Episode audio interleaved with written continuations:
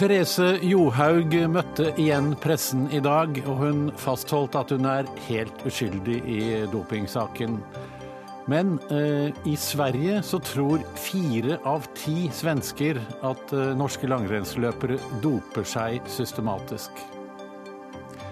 Mulla Krekar har gitt et intervju i dag, nei ikke i dag, men igjen, eh, hvor han støtter IS eh, i kampen eh, om Mosul. På Island kan piratpartiet eh, bli et regjeringsparti etter valget nå på lørdag. Dette kontroversielle og, eh, partiet har på enkelte meningsmålinger fått opptil 40 eh, og vi får nå se. Eh, kanskje det blir et av de største partiene i landet under valget i helgen.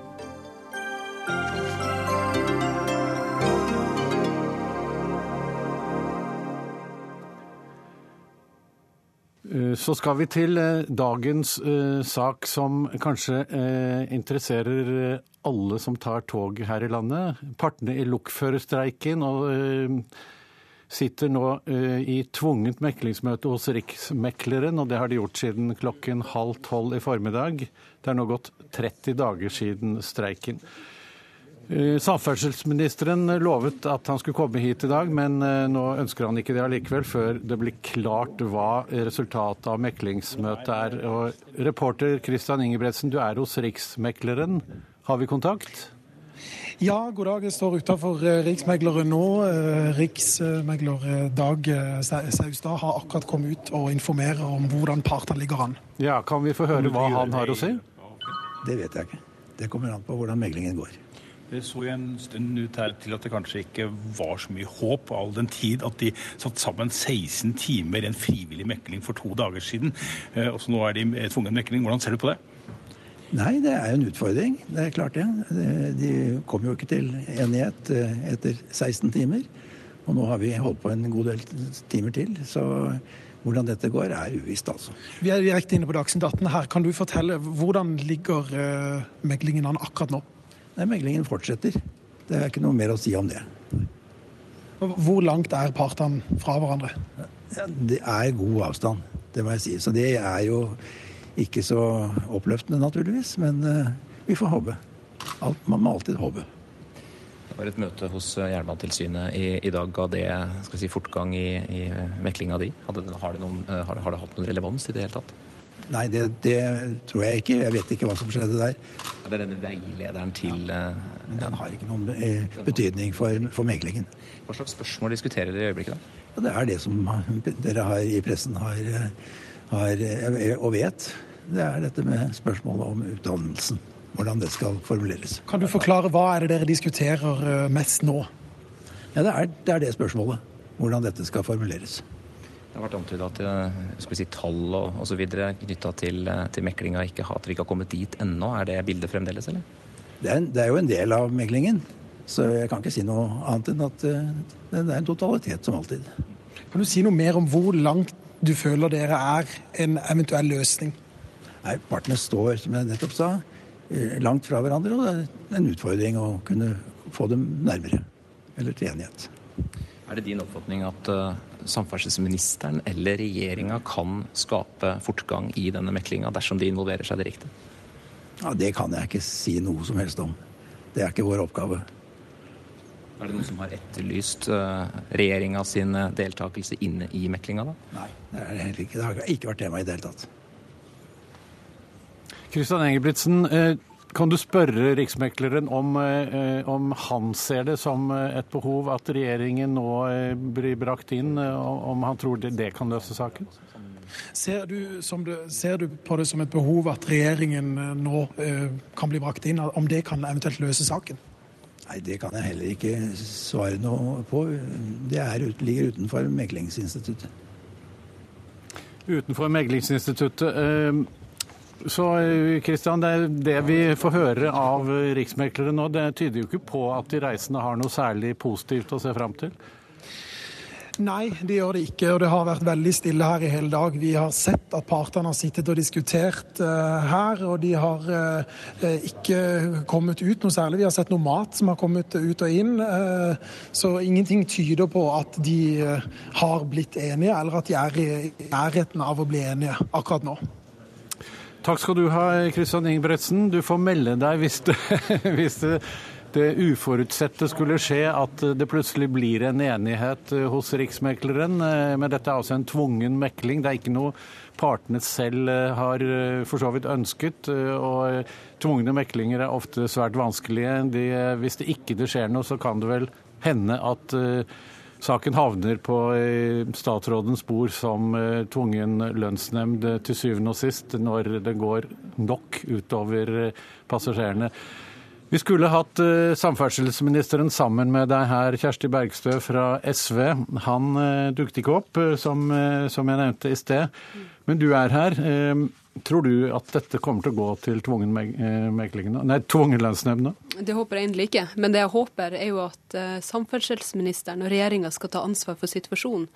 Fordi kravet er jo at man skal ha en nasjonal forpliktende kompetansekrav for å være lokfører i Norge.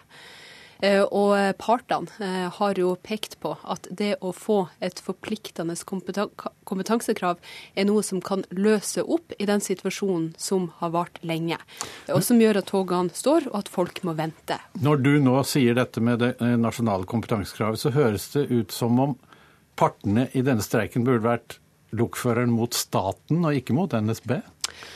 Altså, Nå er det jo sånn at eh, i dag så så har man eh, Det er i hvert fall staten som sitter med nøkkelen til løsninga, det kan man si. Fordi eh, det er jo grunn til å ha forståelse for begge parter i konflikten.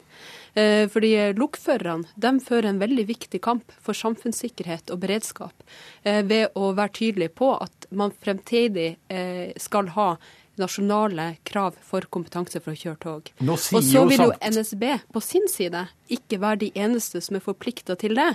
Eh, og det har vi jo hørt NSB gjenta. Det, det har du forståelse for, det kanskje? Det, og det er jo derfor det er så viktig at eh, staten tar ansvar og sier at man skal ha nasjonale krav. Men, eh, men det, det, du sier nå betyr at det er bare staten som kan løse dette, for NSB kan jo ikke løse det selv? NSB har jo muligheten til det, eh, hvis at man, og det er jo mulig å ha det inn i tariffen. Men spørsmålet er jo om man skal ha et system som er likt for alle eller ikke. Fordi dagens forskrift når det gjelder utdanning og kompetanse for lokførere, den er basert på et system der man ikke har konkurranse eh, innenfor jernbanesektoren. Eh, og Derfor er den tilstrekkelig. Men nå har jo regjeringa som mål å liberalisere eh, jernbaneområdet. Den vil privatisere og konkurranseutsette jernbanen. Og da må man ha helt klokkeklare krav til hvilken kompetanse man forventer at folk som skal kjøre tog i Norge skal ha for å hindre at det blir et konkurranseelement. For å hindre at det å ha dårlig utdanning, dårligere eh, forståelse av norske forhold og, trygghet og sikkerhet, blir noe som man kan konkurrere på.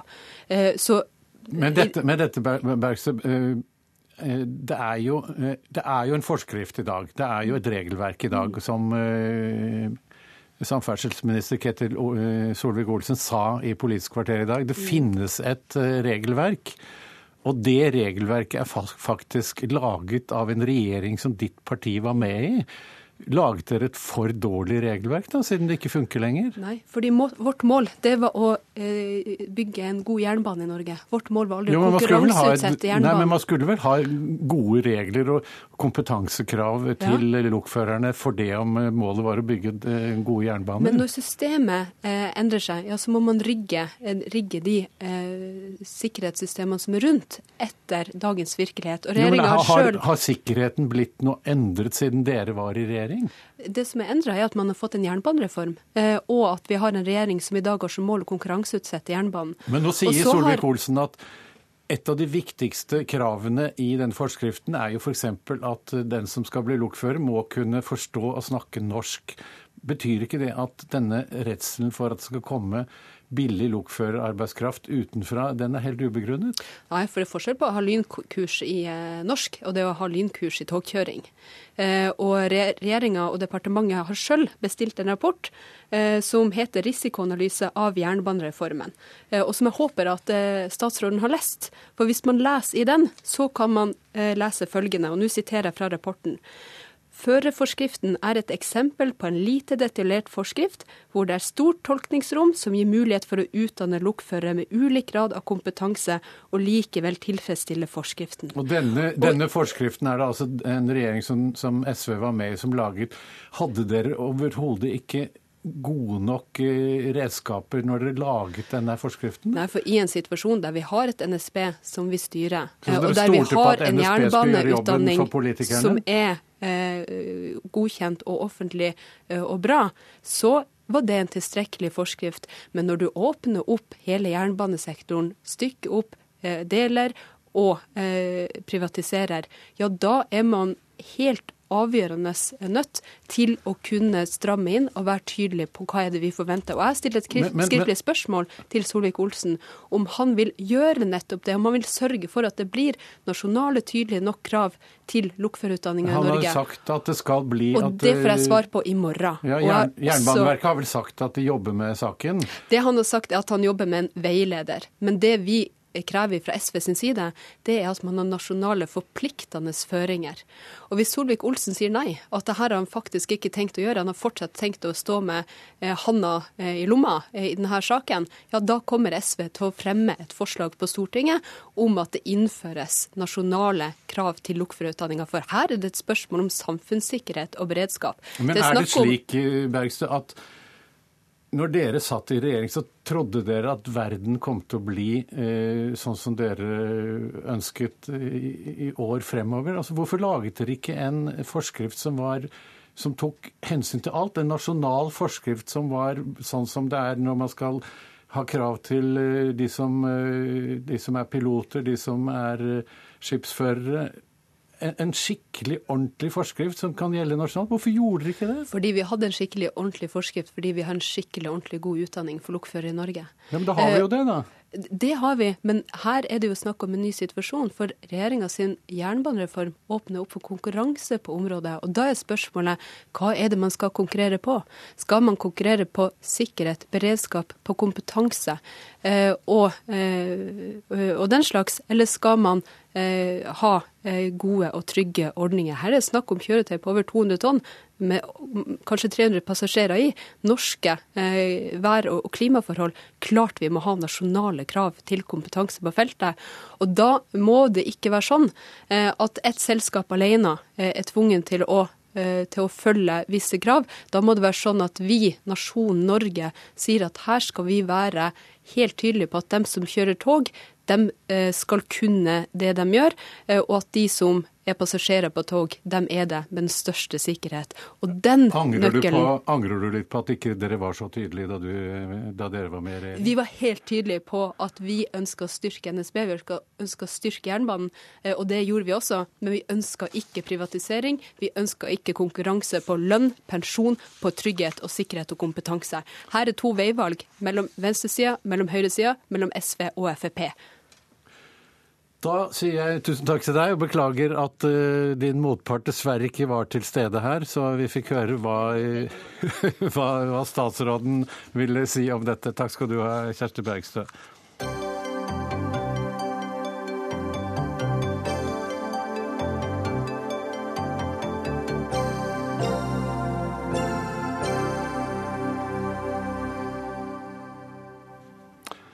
I dag hadde eh, Therese Johaug eh, en pressekonferanse igjen, eh, to uker etter at hun snakket sist gang. Eh, og hun fastholdt sin forklaring om hva som skjedde rundt bruken av den forbudte kremen i starten av september. En sterkt preget Johaug fortalte at hun synes at det er rart at folk ikke tror på henne. Vi har med oss Petra Thorén, du er sportskommentator i Aftonbladet i Sverige. Du har tidligere sittet her i Dagsnytt 18-studio, men nå er du med oss eh, fra Sverige. Mm, Therese Johaug har vel blitt behørig dekket i Sverige også? Absolut. Vi, men vi, vi, vi, svensk media, var ju faktiskt inte inbjudna idag eh, utan det var bare norsk media. Så vi har fått behålla oss til rapporteringen från folk Var det vanskelig? Nej, men det är klart att vi hade gärna också eh, fått möjlighet att ställa våra frågor till Therese Johaug. Eh, nu kommer den här pressträffen eh, tämligen oanmäld och snabbt inpå och eh, där har ju de personerna runt Therese valt att eh, göra på det här sättet. Så, så att, men det är klart att vi hade, vi hade ju gärna funnits på plats i Oslo og stilt våre frågor også. Hvilket spørsmål ville du gjerne stilt som du ikke hørte på denne pressekonferansen? Och det var en bra fråga. Eh, Du kan jo tenke litt på det mens jeg eh, går over til eh, Bertil Walderhaug, du er sportskommentator i Aftenposten. Du kan, du kan fortelle litt for folk som ikke så dette direkte. Hvordan var det egentlig det foregikk, dette pressemøtet i dag? Aftenposten sendte opp to journalister og en fotograf, og så var det mange andre medier fra Norge der, på Holmenkollen park. Og inn på et rom der så fikk eh, Aftenposten da sju minutter. Eh, der inne på det rommet satt Therese Johaug. Eh, kjæresten hennes satt med stoppeklokke. Eh, advokaten satt med eh, mobiltelefon der han tok opp eh, det som ble sagt der. Og så var det manageren hennes. Og i det øyeblikket vi hadde rukket å stilt de ti spørsmåla, vi hadde mange flere spørsmål vi ville stille, da tok kjæresten til Therese Johaug og tok tak i skuldra til journalisten og sa at uh, nå hadde vi brukt vår tilmålte tid. Sånn foregikk det. Men det var jo mange medier som skulle være der, så det er Å, ja. kanskje ikke så rart at, eh, at det var tilmålt tid. Nei, nei, selvfølgelig. Uh, Dere har jo eh, i Aftenposten så brukte dere stor plass på lørdag på åtte spørsmål rundt eh, Therese Johaug-saken. Hva var det viktigste dere lurte på da? Det er jo egentlig, Kort fortalt så er det hva som egentlig skjedde. fordi Da Therese Johaug hadde pressekonferanse for 14 dager siden, så bare fortalte hun og legen hver sin eh, versjon. og Therese Johaug ble ikke stilt noen spørsmål. Så hadde vi da åtte spørsmål, bl.a. om hvorfor drar legen til Livigno eh, uten sårsalvet sårsalve til leppene hennes, når han visste at hun hadde såre lepper. Fikk du svar på det? Svaret hennes var at det var egentlig ikke leppene som var problemet eh, da hun snakka med på telefon. Det var at hun hadde vært eh, dårlig og hadde fått solstikk og hodepine og eh, hadde løs mage og diverse. Så eh, det som jeg tenker på Ja, dagen Syns du at hun hadde et greit svar på det? Jeg syns hun var veldig bra på det som hadde med følelser rundt det hun har opplevd eh, i løpet av de siste 14 dagene, og selvfølgelig få beskjed om at hun har avlagt positiv dopingprøve. Jeg syns hun var mye vagere og mindre konkret på spørsmålene rundt de helt eh, opplagte, eh, betimelige spørsmålene som var rundt eh, det som egentlig skjedde i Livigno. Ja, altså, Det som jeg lurer på, og det som sikkert veldig mange lurer på, det er Vi har jo sett uh, gjentatte bilder av denne pakken hvor det står sto, et stort forbudsskilt eh, i rødt, eh, og så står det 'doping'. Hvordan kunne hun unngå å se det? Hun bare sier at hun eh, tok eh, tuben ut av pakningsvedlegget, og så kasta hun det, og stolte blindt på det legen sa. Han sa det ikke var doping. Ble hun spurt om hun så dette skiltet eller ikke? Ja, det fikk hun spørsmål. Jeg vet ikke om det var vi eller andre som stilte det spørsmålet, men hun svarte at hun eh, så ikke på pakken og bare kasta den og la tuben i eh, toalettmappa si. Syns du det høres troverdig ut? Jeg syns det høres litt underlig ut, spesielt med tanke på at hun eh, noen uker i forveien sa at eh, hun dobbeltsjekka det én og to og tre ganger all medisin og alle salver hun tok. Petra Torén, eh, har du tenkt over hvilke spørsmål du gjerne ville stilt? Nei, jeg skulle vilja...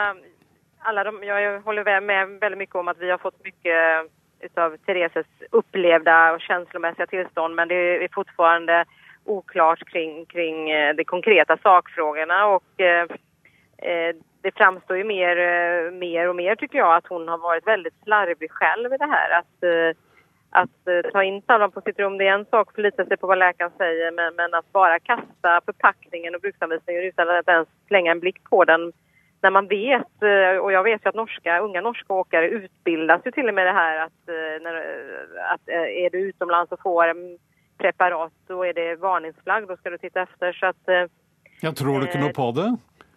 Jeg tror at hun har slarvet. Jeg tror at, hun har, at, det, liksom, at det er slarv og da faller jo det under det här eh, som man også skal vurdere når man, når man eh, liksom skal bestemme hvilket straff hun skal ha. Eh, så jeg tror inte... Ja, det är klart att hon har förlitat sig på vad läkaren säger men, men eh, jag tror också att hon har varit lite slarvig och att eh, det kommer ju troligen bli lite kostsamt för henne då. Svenskene tror åpenbart ikke på nordmenn når det gjelder doping. og Dere har eh, nylig hatt en undersøkelse i Aftonbladet om hva eh, svensker tror om nordmenn og doping. Hva viser den? Ja, det er en Aftonbladets Initio-undersökning som viser at eh, 41 procent av svenskene tror at eh, tror, eller er ganska säkra på att nor norska åkare systematiskt och medvetet dopar sig. Eh, 40 procent, eh, 35 procent tror det inte, och nej, eller 40 procent tror det inte. Så det visar alltså att det finns en stark misstro och utav de här tillfrågade så är det 40 procent som tror att eh, Therese Johaug medvetet har dopat seg. Ja, Det er et veldig høyt tall. Eh, er, er dette, dette resultatet, tror du, eh, bare et resultat av Johaug-saken? Nei, det tror jeg ikke. Jeg tror at det är eh, en, en, en mix av Martin Jonsrud Sundby-saken og astmadebatten som har fulgt på det.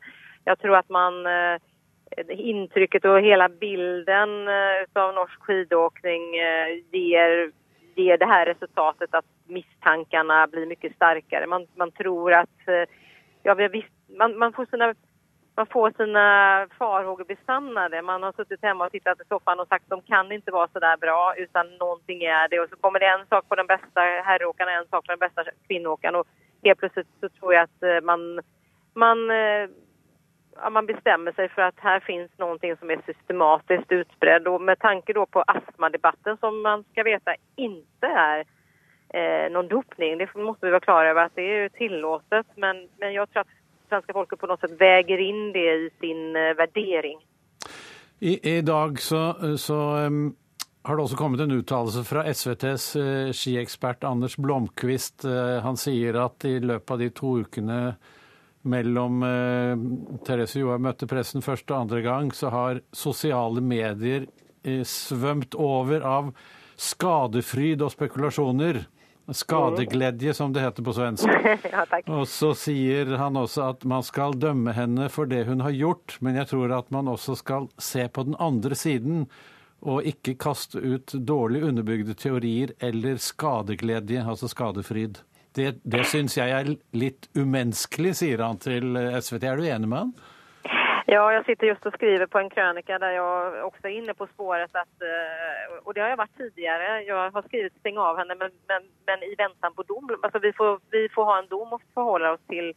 Og eh, det er veldig mye konspirationsteorier som er i omlopp Og jeg er ikke alls beredd på å kjøpe, på köpa alla dem Og jeg tycker også at det har gått over grensen. eh, på vissa håll, från vissa håll och där har ju vi kanske i media en, en roll att fylla. Sen, sen är det ju även åkare från andra nationer som passar på att, slå tillbaka mot, mot uh, tidigare, där de har känt sig tidigare trängda, till exempel från finskt håll uh, eller ryskt håll. Då. Så att, uh, jag tycker också att det har florerat och varit en väldigt, väldigt tuff, tuff tuffa anklagelser Og litt grann så, så, får man vel sitte og vente litt grann og se, se i alle fall hva man kommer fram til. Jeg hoppas virkelig at uh, det norske systemet klarer av å gjøre en rettvis bedømning. For det er vel det man befarer litt, at, uh, at den ikke lander rett når det ikke er en internasjonal instans som bedømmer dem.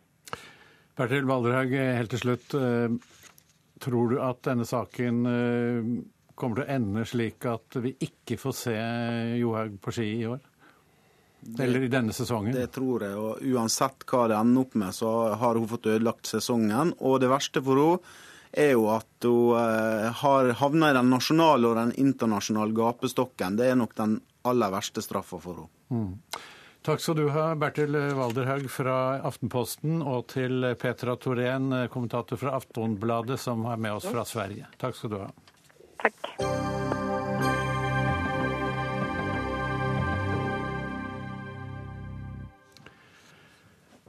Nashmudin eh, Faraj Ahmad, eh, bedre kjent som mulla Krekar, eh, mener at det er alle jihad-krigeres plikt å støtte opp om muslimske og gudfryktig hellige krigere i IS, som nå kjemper for å beholde kontrollen over Iraks største by, nest største by, Mosul. Dette kom fram i et lydopptak på en Facebook-side som støtter mullaen. Det skriver du i Dagen i dag, Lars Akerhaug. Du er journalisten bak denne artikkelen. Hva er det med disse uttalelsene som skiller dem fra tidligere uttalelser som eh, Krekar har kommet med? Det er jo en ny dreining fra Krekar. Han har jo uttalt seg om islamsk stat også tidligere. Han har tidligere vært ganske vag, og det har vært litt eh, vanskelig å få tak på hva han egentlig mener om denne gruppen. Eh, han er jo fortsatt ikke der at han sier han støtter IS, men han tar nå altså til orde for et forsvar av islamsk stat i den situasjonen de nå befinner seg i i Mosul-regionen. Så dette er jo nytt. Er dette en uttalelse som øh, politiet, PST, på noen måte øh, har grunn til å etterforske? Jeg tror eh, det er vanskelig å se for seg at denne uttalelsen i seg selv eh, skulle være straffbar. Eh, og han sier jo heller ikke at han slutter seg til eller oppfordrer andre til å slutte seg direkte til islamsk stat. Men det er klart at det er spesielt at en sånn uttalelse kommer nå, samtidig med at han har denne saken mot seg, eh, og samtidig med at italienske påtalemyndigheter jo hevder da, at det er en forbindelse mellom dette nettverket hans eh, og IS. Ja, dette nettverket Rafti Sjaks. Brunar Brunnar Meling, du er mulla Krekars advokat og med oss fra Stavanger. Hvorfor kommer klientene med disse uttalelsene nå? For det første så går det ikke an å konstatere det meningsinnholdet som verken programlederen eller Lars Akkerhaug tillegger mulla Krekar ut ifra programmet i sin helhet.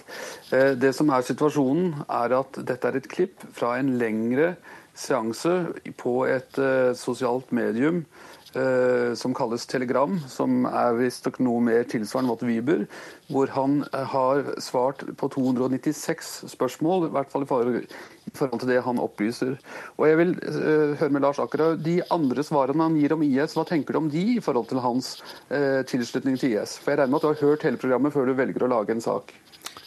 Vi har jo referert uh, flere uttalelser fra mulla ja. Krekar uh, den siste tiden, og refererer jo bl.a. til at han tar uh, avstand fra det han hevder er si, islamsk stats overdrevne bruk av vold, avstand fra islamsk stats massakre av jesidi-minoriteten. Og vi har gjort ganske klart at det ikke er noen direkte støtte det Krekar kommer med, men det er altså en Og det syns du, det syns du at den forsiden som du sørget for at kom på dagen, at det er dekkende for det meningsinnholdet?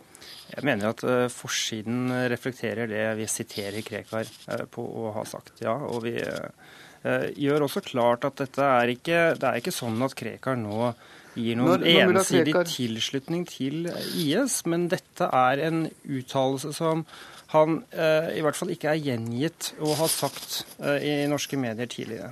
Nei, men når, han sa det heller ikke i norske medier. Han sa det på et spørsmål knyttet til Ja, Men det spiller ikke noen rolle hvilket medium han sier det i? Eh, noen medier, sånn som NRK, valgte å kryssklippe han, eller klippe han sånn at han eh, ble riktig tiltalt og får nå erstatning for da det må som jeg, Da må jeg avbryte det litt, grann, Meling, fordi men, at dette programmet som du nå refererer til, men, det blir sett og godkjent av Krekar før det ble sendt på luften, bare så det er sagt sagt. Det er det uenighet om. Det er Nei, det er det ingen uenighet om. Jeg var selv til stede sammen. Så vil jeg også si at Hvis det var slik at vi skulle gjengi absolutt alt mulla Krekar sa til kurdiske medier til enhver tid, så hadde vi ikke gjort, fått gjort noe annet. For han uttaler seg hele tiden i uh, kurdiske medier. Men Uh, som journalist så forsøker jeg å følge med på hva ja, er Krekar sier. Og... Er du journalist, eller er du, er du uh, vitenskapsmann med sakprosa som du presenterer seg som? Altså, Du må snart velge ståsted ditt akkurat. For som journalist så velger du nå en populistisk vri på noe som egentlig Det, det mest oppsiktsvekkende i det,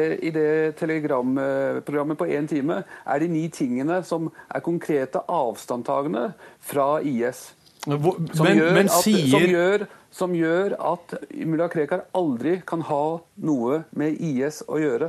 Og Det er det som er det interessante. Istedenfor velger du å være nyttig idiot for PST og andre og fremheve én enkeltsetning som er tatt ut fra sin sammenheng, knyttet til akkurat de grupperingene med eh, persmergaer fra Irak, støttet fra USA, når de angreper Mosul. Og Det er da han sier at hvis islam, muslimene som bor der, er truet, så skal man heller støtte IS enn det angrepet.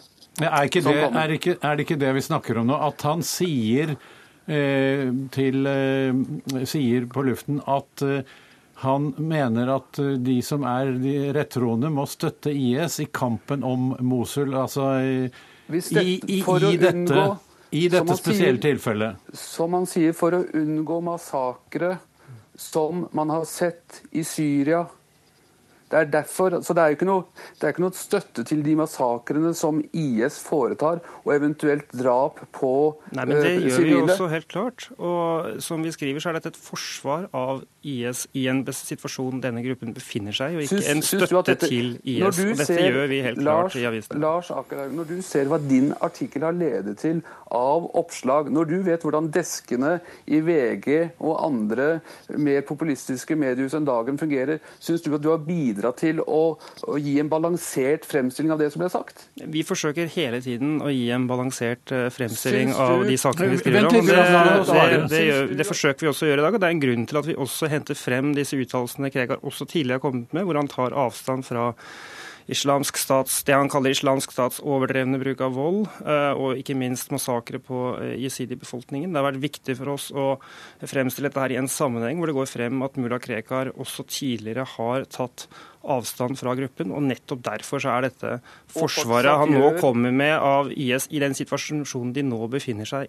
i, interessant, fordi dette er noe nytt. og Så får det være opp til andre, i hvert fall i denne sammenhengen, å trekke konklusjoner ut fra det og fortsatt tar avstand fra i det samme programmet som du trekker fram én en enkelthet, som blir misbrukt i andre medier.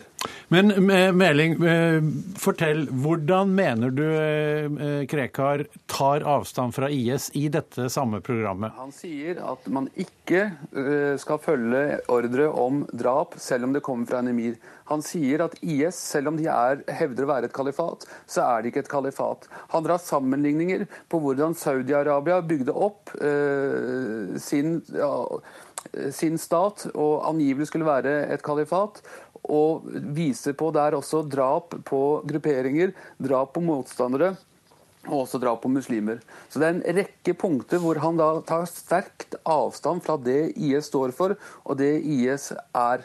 Men så er det da et konkret tilfelle når han da blir foreholdt eh, angrepet fra irakiske styrker, altså eh, styrker som gjennom de siste 20 årene ikke har vært, har vært eller 25 årene har vært nord eh, for, for eh, opp mot Mosul, og at de er støttet fra amerikanerne og i, den, i den setting han sier det, da må man heller støtte IS. Men samtidig så understreker han, rett etter at han har sagt dette, at han tar klar avstand fra en rekke av IS sine handlinger, eh, sine prinsipper, og han tar sammenligning og kaller, eh, med sammenligner med kommunistene som, som eh, og, og, og, og, gir sterke karakteristikker av måten de har behandlet sivilbefolkningen på. Mener du at det Krekar her gjør, er en taktisk støtte til IS i en, uh, den, akkurat denne situasjonen?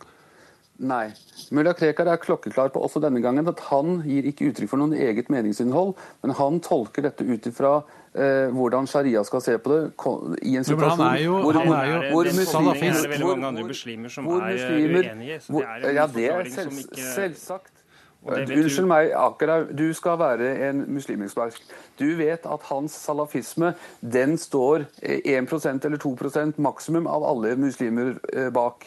Så det at andre er uenige med han, eh, det, det fratar ikke han hans rett til å vurdere ting ut ifra islam. Altså, det, det, blir jo som, det blir jo som å sammenligne Det blir jo som å sammenligne Vent litt, nå, vi må ha én av gangen, Meling. Nå er det Akerhaug sin tur. Nei, det var jeg. Jeg ble, jeg ble avbrutt av Akerhaug. Det blir jo som å sammenligne en katolikk og en pinnsvenn. Dette er jo helt meningsløst, Akerhaug, og det burde du vite.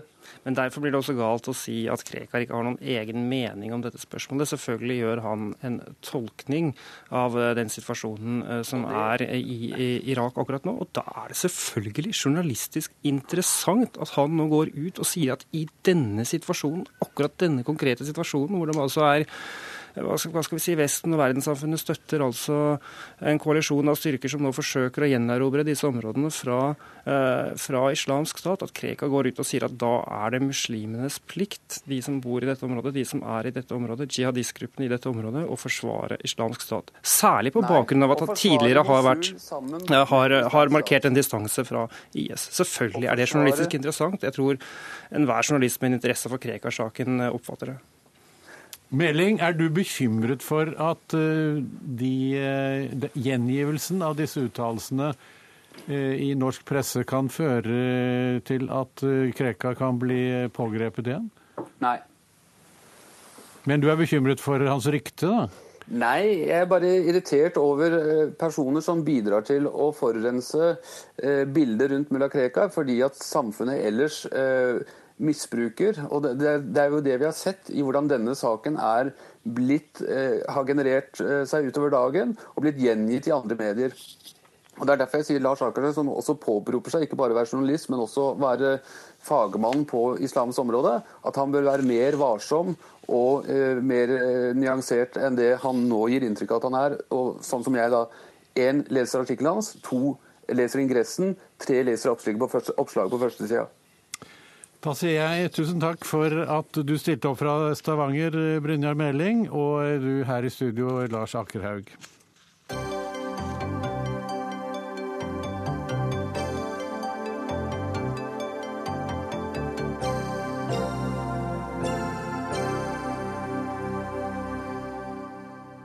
Da skal vi over til en kanskje litt mer lystig eh, utenlandsk situasjon. Vi snakker om Island. Velkommen, Mimir Kristiansson. Du er nyhetsleder i Klassekampen, men som vi hører av navnet, så har du nok ganske sterke bånd til Island? Det er riktig. Pappa er islandsk. Og det er valg eh, hos vår nabo i vest eh, på lørdag. Dette nyvalget kommer i kjølvannet av Panama-avsløringen som førte til at statsminister Gunnlaugsson måtte gå av. Eh, og spenningen nå er stor foran valget fordi Piratpartiet kan bli kanskje det største og bli en del av eh, den islandske regjeringsgrunnlaget, i hvert fall. Eh, Enkle meningsmålinger har gitt partiet tidvis opptil 40% Hvorfor er Piratpartiet et nokså ukjent parti? Det kom for et par år siden. Hvorfor er det blitt så populært, Kristiansand? Det er delvis tilfeldig og delvis veldig logisk. Altså, det er tilfeldig at det er piratpartiet som har blitt det partiet, men det er helt logisk at islendingene vil snu seg til en eller annen form for populistisk protestparti. Og jeg tror bare, så vidt jeg kjenner islendinger, ikke at de er mer opptatt av eh, Wikileaks eller Julian Assange eller verken WWW eller EDB eller IKT. Jeg tror ikke de er mer opptatt av det enn noen nordmenn er. Jeg tror at Piratpartiets eh, appell skyldes at folk er dritlei, veldig mange på Island, av det politiske systemet. Statsministeren har måttet gå av fordi han har vært eh, skattesvindler i Panama. Og det er nyvalg pga. det. Det var finanskrise for ikke lenge siden. Alt dette her. Og de vender seg mot et parti som har det ene kvalitative trekket at det ikke er politikere som driver det. det er det det eneste, eneste, positive du kan si om det? Nei, jeg er i hvert fall helt sikker på at det er den drivende kraften bak at det er så store. Så er det riktig å si at politikken Piratpartiet driver, det er en veldig Jeg mener at dette sier jeg i positiv forstand, at dette er et populistisk parti som ønsker å involvere folk i større grad i styringen av Island. Island er et lite og ganske oversiktlig land. De vil ha folkeavstemning om EU, som islendinger er mot, men som de gjerne vil få stemme over og stemme ned. De vil ha vedtatt en ny grunnlov som islendinger har stemt for i en folkeavstemning, men som politikerne har sagt nei til. Eh, og de vil i det hele tatt involvere befolkningen mye mer i styringen av landet. Sånn at dette er den særegne og vanvittig mye hyggeligere islandske varianten av Donald Trump. Eh, og også for så vidt den islandske varianten av Podemos og Syriza. Altså opprøret mot elitene, men på Island som vanlig så er alt mye hyggeligere enn det i andre land. Vi har med oss eh, redaktør av avisen eh, Fretta-Timmin, Tora Thomasdottir fra Island nå. Er, er, du med oss? Det er jeg. Hei. Hei, og du snakker godt norsk også? Ja, jeg håper det. Ja. Du, vi er veldig spent på hva, hva, slags saker har eh, dette piratpartiet markert seg med foran eh, dette valget, som gjør at de blir så populære? Eh, Det er eh, hovedsakelig endring av Grunnloven. Det har på en måte vært den saken de har satt på spissen. Men så snakker de også veldig om, som eh, Mimer snakket om her i stad, eh, å styrke demokratiet med forskjellige endringer av det politiske systemet. Men eh, Så denne de- grunnlovsendringen, hva, hva skal den gå ut på? Ja, Det er egentlig litt komplisert eh, å forklare, eller jeg er kanskje litt dårlig på det. Men eh, det, det dreier seg om å styrke demokratiet. Det dreier seg om å oppdatere en grunnlov. Og så er det delte meninger om hvilken effekt det vil ha. Mm.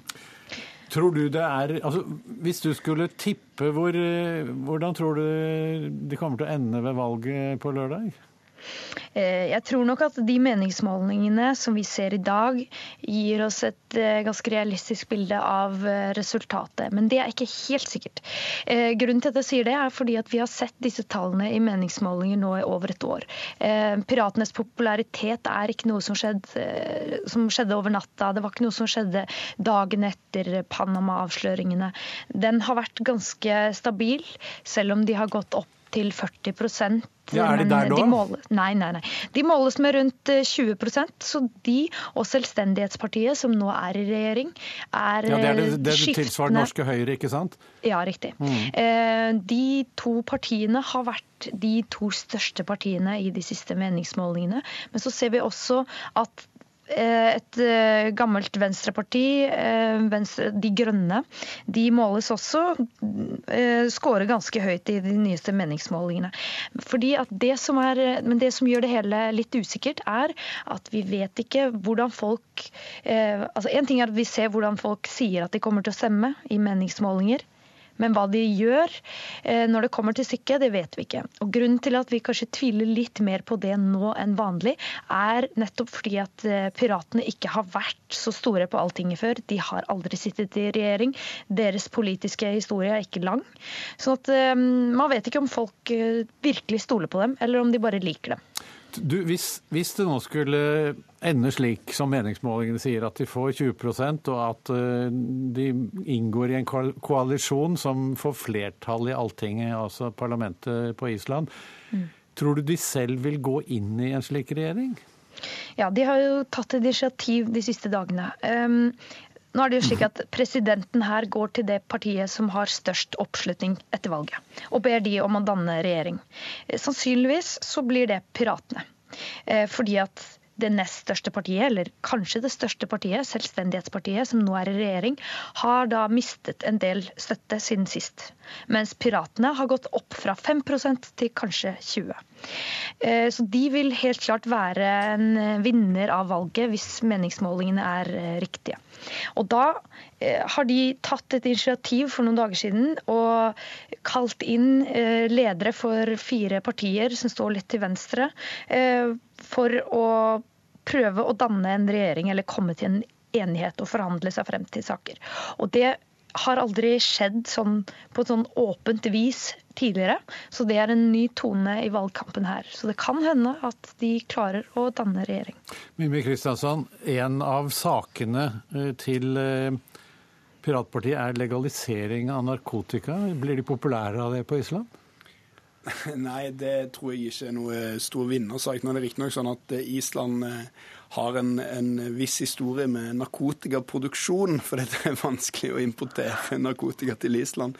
Men, men jeg tror ikke det er noe som rører folk. Det som eh, Thoda også er inne på, er at, at denne grunnloven, og jeg kan prøve å forklare det på veldig kort vis Etter krisen i 2008 så lovte politikerne at det skulle skrives en ny grunnlov. Den eksisterende islandske grunnloven er en eh, blåkopi, en fattig kopi av den danske, som har blitt bare Man har strøket over noen paragrafer og lagt til Island der det sto Danmark og sånn. Og så satte man i gang denne prosessen. Folket var involvert. Det ble folkeavstemninger om det rundt det hele. Og så fikk man en slags folkets grunnlov.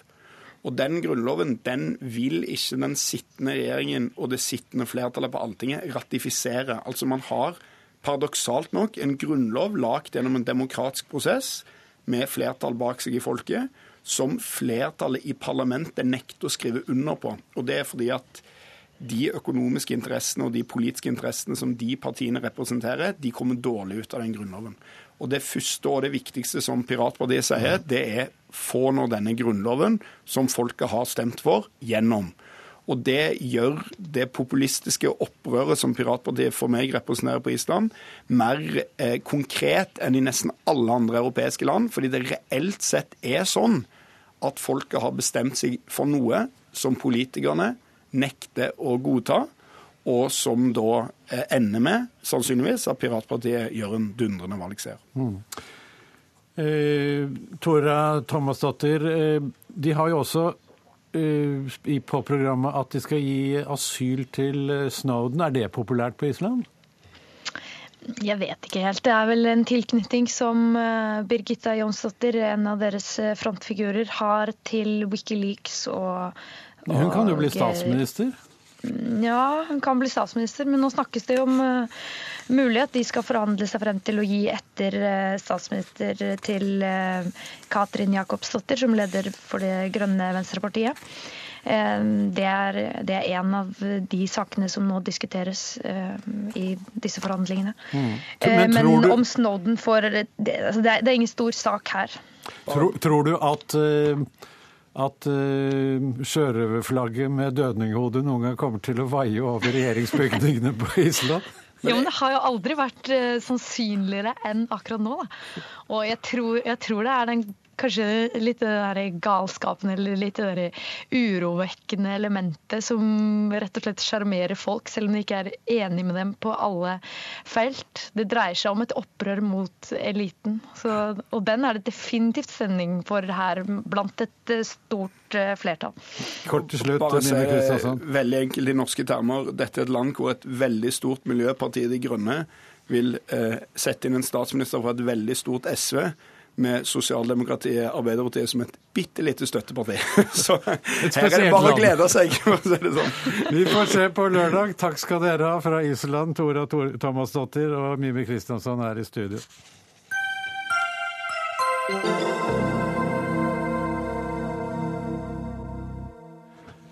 Twitter eh, er et sosialt medium som ikke har gått spesielt bra økonomisk. Det har faktisk aldri gått eh, med overskudd, og eh, nå sier de opp 350 ansatte i et forsøk på å komme i pluss.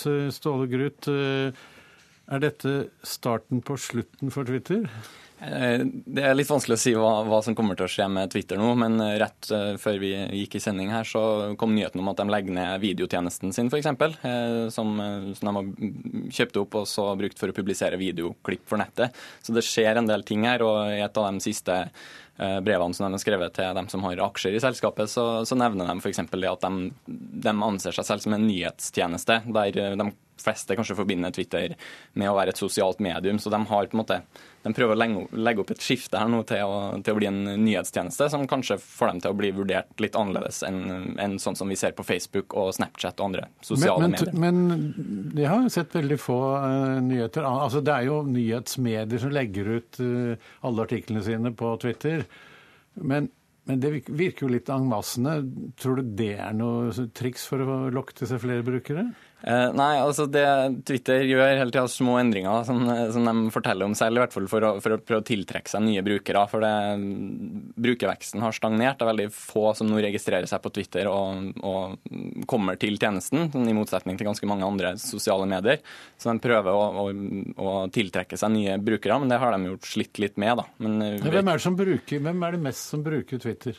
Uh, nei, altså Her i Norge så er det vel 6% av befolkninga som bruker det daglig, så det er jo ikke så veldig stort i det hele tatt. Ja, hvem er det?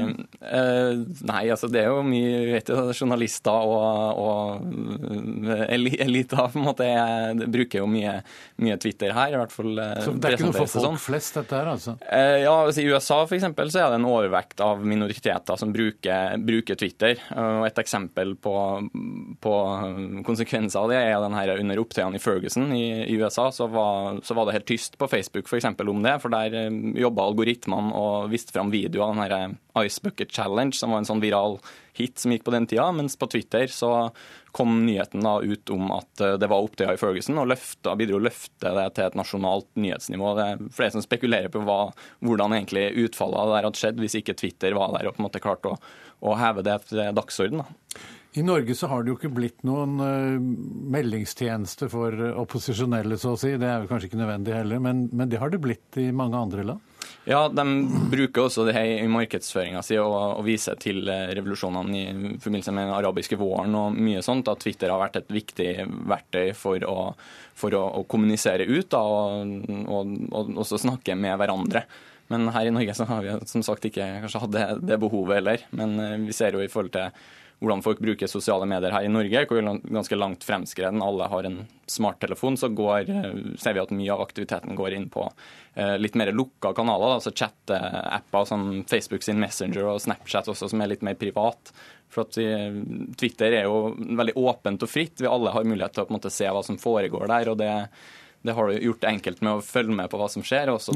Hvis det da går dårlig med dette selskapet, det, eh, kan det bety at at dette kan være en trussel for demokratiske bevegelser rundt omkring i verden? Eh, det er litt, eh, litt, vanskelig å si det, men det vil nok være et tap for, for, ganske mange som bruker Twitter. Og i hvert fall for min egen del så vil jeg tenke at det er et eh, tap for, for samfunnet, en sånn plattform som på en måte representerer veldig mye godt, og som har vært brukt til, til mye bra og fornuftig. Så håper jeg selvfølgelig at de, finner en løsning på det her. Det, I USA så har det vært snakk om at at uh, altså veldedige stiftelser sånn, burde gå sammen for å kjøpe Twitter, sånn at det kan drives eh, videre. Uh, også vært snakk om at andre store selskap som Google og um, Disney til og med skulle kjøpe opp det her for å, for å, prøve å drive det videre, men ingen av de her avtalene har blitt dratt i havn ennå, så fremtida er foreløpig litt usikker. Det er jo begrenset hvor mange tegn man kan skrive på Twitter. Det har vært snakk om at, at selskapet skulle øke denne mengden. Hvordan står den saken?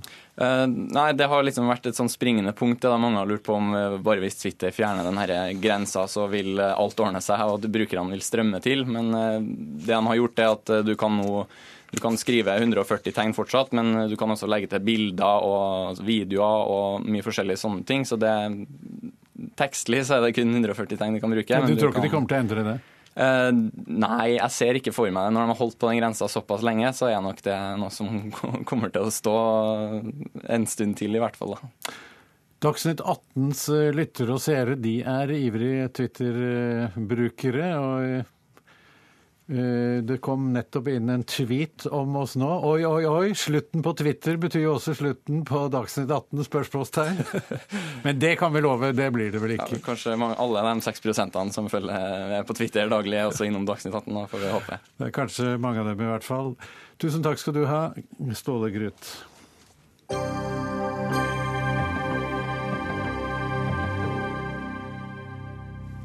Den internasjonale straffedomstolen eh, ICC kan være i ferd med å rakne. I går ble det kjent at også Gambia melder seg ut av organisasjonen, og tidligere har Sør-Afrika og Burundi trukket seg fra ICC. Denne domstolen blir av flere afrikanske ledere nå oppfattet som en organisasjon opprettet eh, for hvite, eh, for forfølgelse og ydmykelse av afrikanere. Sverre Tom Radøy, du er vår Afrikakorrespondent og er med oss fra Nairobi. Er det dette som er årsaken til at afrikanske land eh, har meldt seg ut, og mange truer med å melde seg ut? Ja, i hvert fall så er dette den offisielle forklaringen som mange bruker i retorikken om hvorfor de har tenkt å melde seg ut, eller hvorfor de er svært skeptiske. Ehm, det varierer litt. Sør-Afrika, som kom med sitt utspill om at de nå begynner prosessen med å trekke seg ut forrige uke, de sier at forpliktelsene overfor ICC om å forfølge og fengsle eh, krigsforbrytere det er ikke forenlig med deres rolle som mekler rundt omkring på kontinentet. For du kan ikke ha en meklerrolle og så samtidig skulle arrestere da de du, du, du skal hjelpe til å få fred med. Så, så her er det flere forklaringer, men den klareste er altså at den dominerende, helt dominerende antall av saker som ICC har, nesten alle, det dreier seg om afrikanske forhold, og det virker ikke rimelig på afrikanere. Men eh, tror, eller mener eh, disse afrikanske statslederne at, at eh, denne domstolen er rasistisk, rett og slett? Ja, Det er i hvert fall noe av retorikken, i hvert fall til, eh, til det vi hørte fra Gambia, som også bruker at det er, blendavit, eh, det er en blendahvit domstol, altså en kaukasisk domstol opprettet for å, å dømme og ydmyke fargede, og spesielt afrikanere. Så, men, men, akkurat Gambia er jo ikke noe særlig viktig, og det er, nok, eh, det er nok smartere folk rundt omkring som kan argumentere bedre enn det den gambiske regjeringen har gjort her. Men det er jo litt pussig, fordi sjefsanklageren i domstolen for tiden er jo eh, Fatou Bensouda, som eh, tidligere har vært justisminister nettopp i Gambia. Hun er jo ikke akkurat hvit. Nei, Det er jo bare et eh, paradoks, men hun er jo helt klar i sin fordømmelse, eller i sin om ikke korstog, det, det vil jo afrikanere si, men altså i sin påpekning av afrikanske forhold de er spesielt ille, og de må da tas pga. det har eh, da eh, domstolen rett til å gjøre. Sverre Tom, du blir med oss videre, men eh, i studio her har vi også med oss Sofie Høgestøl. Du er stipendiat ved Norsk senter for menneskerettigheter og forsker på ICC. Hva, hva tror du kan skje med Den internasjonale straffedomstolen nå? Det, de neste månedene blir veldig spennende, for jeg ser skissen av et koordinert angrep mot domstolen. Jeg vil si at Gambia er viktig, for Gambia er ikke under etterforskning ved domstolen. Så når de trakk seg i går, så tenkte jeg at dette er en koordinert eh, gruppe som ønsker å, å, å nå få afrikanske medlemsland ut av domstolen. Hvordan skal de gjøre det, tror du? Den afrikanske unionen skal i uh, januar ta stilling til et kenyansk forslag om å trekke seg ut en masse, altså et blokkutmeldingsforslag. Hvorfor er det akkurat Kenya som kommer med det, tror du? For Kenya har vært under etterforskning ved den internasjonale straffedomstolen, og statslederne i Kenya har vært siktet av eh, ICC. Nå er det bare Av de sakene som har vært oppe, så har det bare vært saker fra afrikanske land, pluss Georgia mm. ganske nylig. Er ikke det litt rart, egentlig? Det viser nok dårlig påtaleskjønn, men det er ikke rart i den forstand av at eh, hvis man ser på sakene som har kommet for ICC, eller de ni afrikanske sakene, så har fem av dem henvist av de afrikanske medlemslandene. Dvs. Si at Afrika har spurt ICC kan dere være så snill å etterforske landet vårt.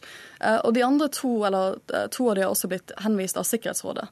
Hvor Sikkerhetsrådet har bedt ICC om å etterforske to afrikanske land.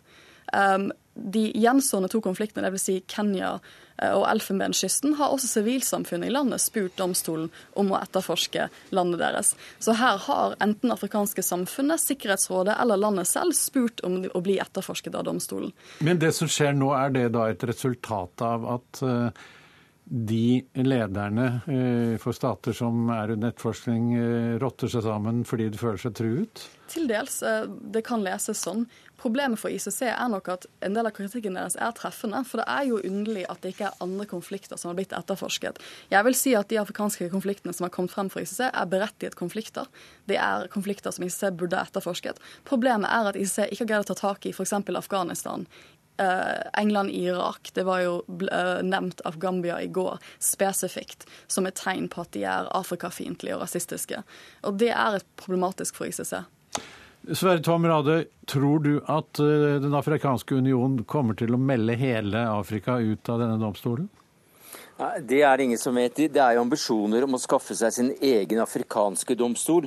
Og det er eh, nå en vellykket regional eh, domstol eh, for så vidt som den klarer også både tiltale og, og, og un, un, etterforske afrikanske forhold. Eh, den tidligere eh, presidenten i, i Tsjad står tiltalt i et annet afrikansk land med en regional domstol, så å si. Så det er noe som rører seg. Men om AU som sådan går inn for dette her, det er eh, ikke klart ennå. Eh, Høgestøl, eh, stormaktene, eh, stormaktene, USA, Kina og Russland står jo utenfor. Og, og, det er jo Hvis Afrika, hele Afrika da skulle melde seg ut, så er det vel ikke noe igjen av dette? Det blir en veldig annerledes domstol dersom nesten alle de konfliktene som ICC etterforsker, nå melder seg ut. Det sier seg selv. Ja. Hva skal vi med den da? Eh, det blir et godt spørsmål. Jeg tror det blir et spørsmål som ICC kommer til å slite med å svare på. Ja. Eh, når tror du man, eh, man får Altså, tror du ICC kommer til å selv ta et initiativ for å hindre at en slik situasjon oppstår? ICC har holdt pressekonferanse i går, eh, og det som er litt interessant er at lederen for medlemslandene er nå senegalesisk. Så den pressekonferansen ble avholdt i Dakar i Senegal. Eh, så det er jo et splittet afrikansk union som ser på dette spørsmålet. Det er jo noen afrikanske land, bl.a. Senegal, som fortsatt er tilhengere. Eh, og de ønsker jo at disse landene ikke skal trekke seg, for det tar et år å trekke seg. Den prosessen tar et helt år. Så de håper at de vil ombestemme seg og komme tilbake igjen til domstolen. Tusen takk skal du ha. Ansvarlig for eh, denne sendingen var eh, Gjermund Jappé, teknisk ansvarlig Finn Lie, og i studio Anders Magnus, som har vikariert for Fredrik Solvang i tre uker. Men i morgen er Fredrik tilbake her i denne stolen.